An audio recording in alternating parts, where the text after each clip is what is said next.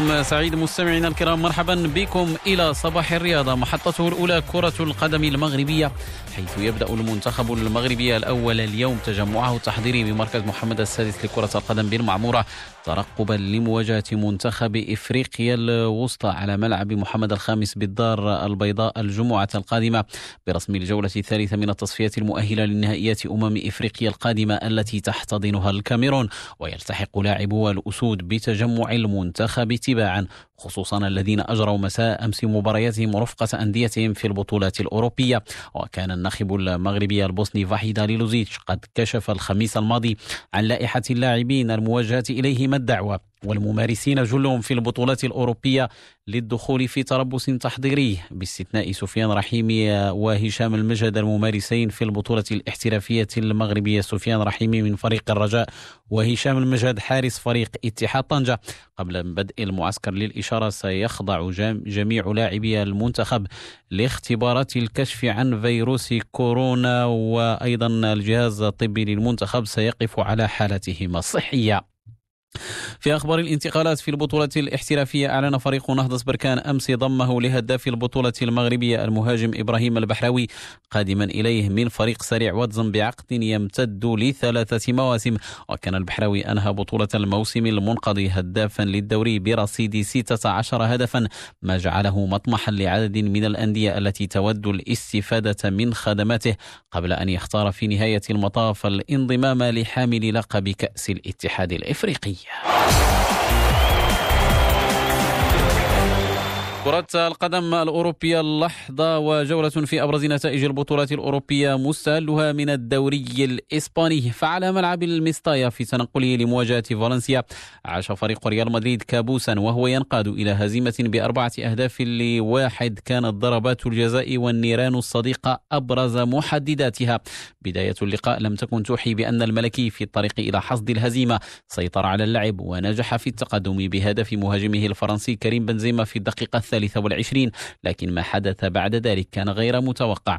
ضربة جزاء لخفافيش فالنسيا في الدقيقة الخامسة والثلاثين سجلها كارلوس سولير أعادت المباراة لنقطة البداية قبل أن يمنح مدافع الريال الفرنسي الآخر رافائيل فاران التقدم لفالنسيا بهدف بالخطأ في مرمى فريقه خلال الشوط الثاني. سعي الريال للعودة في النتيجة.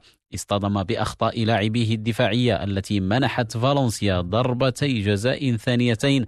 نجح في تنفيذهما كارلوس سولير مانحا فريقه فوزه الثالث هذا الموسم وملحقا بالريال الهزيمة الثانية في الليغا.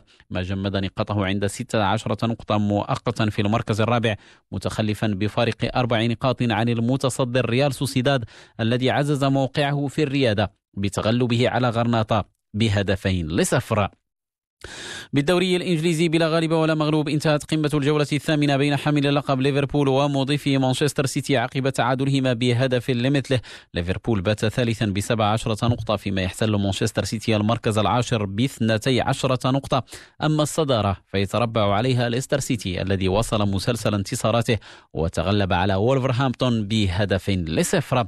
في الدوري الإيطالي وضمن منافسات المرحلة السابعة حرم الإكوادوري فيليبي كايسيدو يوفنتوس من تحقيق فوزه الثاني تواليا فسجل هدف فريقه لاتسيو في الوقت القاتل الذي منحه التعادل أمام اليوفي بهدف لمثله.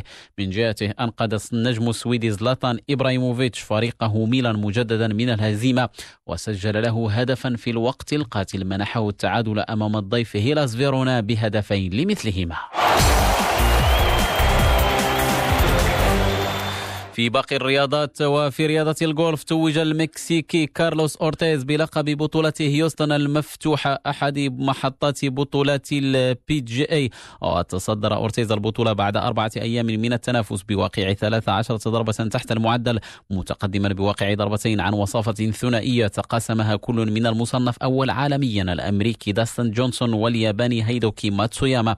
اللقب للإشارة هو الأول للاعب المكسيكي كارلوس أورتيز في بطولات بطولات ال PGA على أن الأنظار تتركز هذا الأسبوع على أحد أعرق وأبرز بطولات الجولف العالمية بطولة ماسترز أوغوستا التي تنطلق رسميا الخميس القادم. نختم بالحديث عن كرة المضرب حيث أحرز الروسي دانيال ميدفيديف باكورة ألقابه هذا العام إثر تتويجه بدورة باريس آخر دورات الماسترز للألف نقطة بفوزه في المباراة النهائية على الألماني ألكسندر زفيريف بجولتين لواحدة بواقع 7 5 6 4 و 6 1 بذلك مستمعينا نضع نقطة نهاية صباح الرياضة أشكركم على طيب الإصغاء والمتابعة. باقي فقرات متى أنفو تتواصل. رفقة فرانسوا بالغان بعد هذا الفاصل.